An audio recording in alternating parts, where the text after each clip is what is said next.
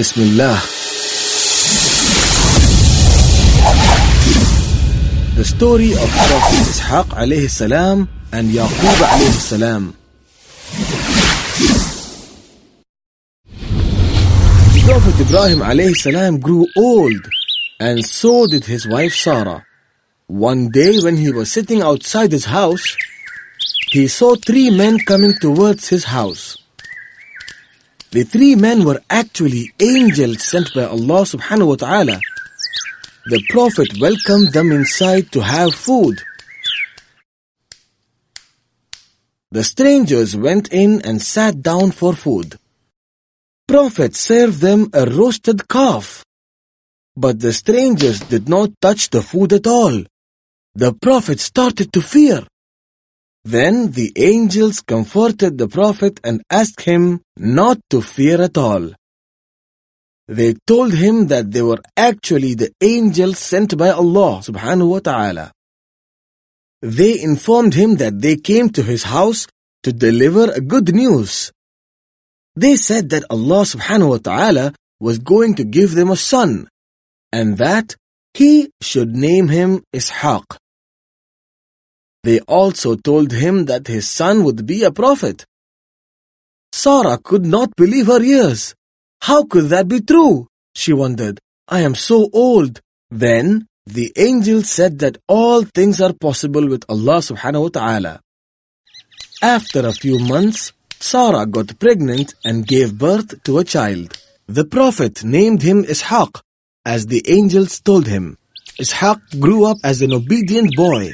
He worked hard, and like the angels foretold, he too became a prophet of Allah subhanahu wa ta'ala. Ibrahim alayhi salam was very old by the time Ishaq grew up. As he felt that his life was nearing its end, he wished to see his son get married. But he did not want Ishaq to marry one of the Canaanites, as they were all disbelievers. One day, he sent one of his trustworthy servants to Haran to choose a bride of Ishaq. The servant obeyed his master and traveled for many days to reach Haran. Once he reached Haran, the servant selected Rebecca, the daughter of Ibn Nahor, who was a brother of Prophet Ibrahim. As his father wished, Ishaq married Rebecca. Rebecca didn't give birth to a child for a long time. Ishaq alayhi kept praying to Allah subhanahu wa ta'ala for a child. And after many years, she gave birth to twins. Ishaq named them Esau and Yaqub. Esau grew up to be a strong man, and he was a good hunter. But Yaqub was more intelligent and he was his father's favorite. There were frequent fights between the brothers as Esau disliked the fact that his father favored Yaqub more than him.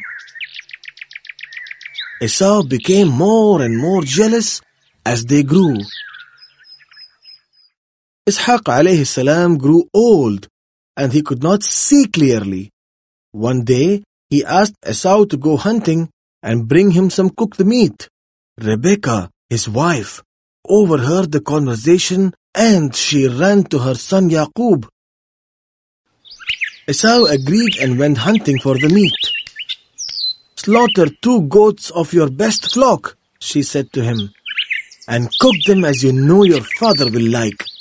Go and do this before your brother returns. Yaqub did as his mother had ordered.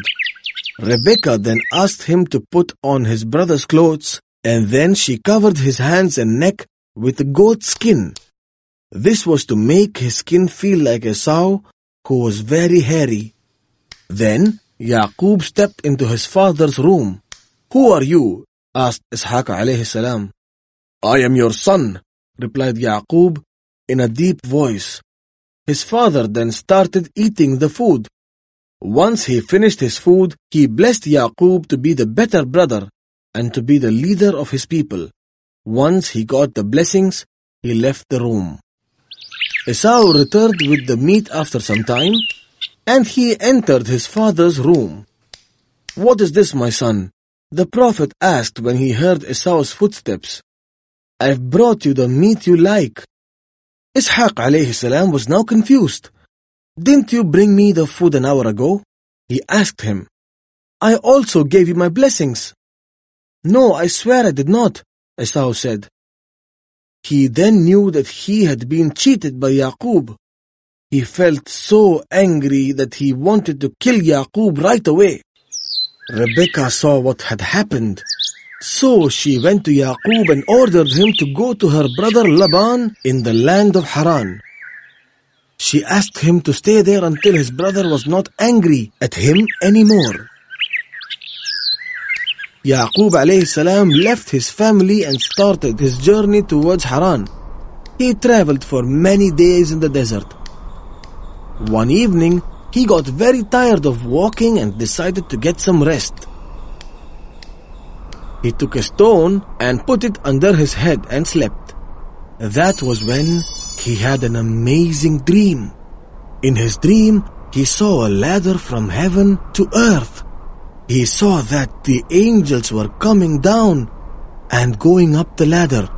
It was then that Allah subhanahu wa ta'ala blessed Yaqub and this piece of land for his future generations. When he woke up, he exploded with joy. He took a vow that if he returned to his family safely, he would build a mosque here for Allah subhanahu wa ta'ala. He also vowed to give one tenth of his property to Allah subhanahu wa ta'ala. He poured oil on that stone so that he would be able to recognize this place later. This place is today known by the name of Jerusalem. The next morning, Yaqub set out for Haran. After many days of traveling, he finally reached Haran. Yaqub alayhi then met his maternal uncle Laban. His uncle was very happy to see him and invited him to his house. Laban had two daughters, Leah and Rachel. The Prophet started working hard for Laban. During his stay, he fell in love with his uncle's younger daughter Rachel. After a few months, he asked Laban to marry Rachel. Work for me for seven years, he said, and I will let you marry my daughter. The Prophet agreed to his terms.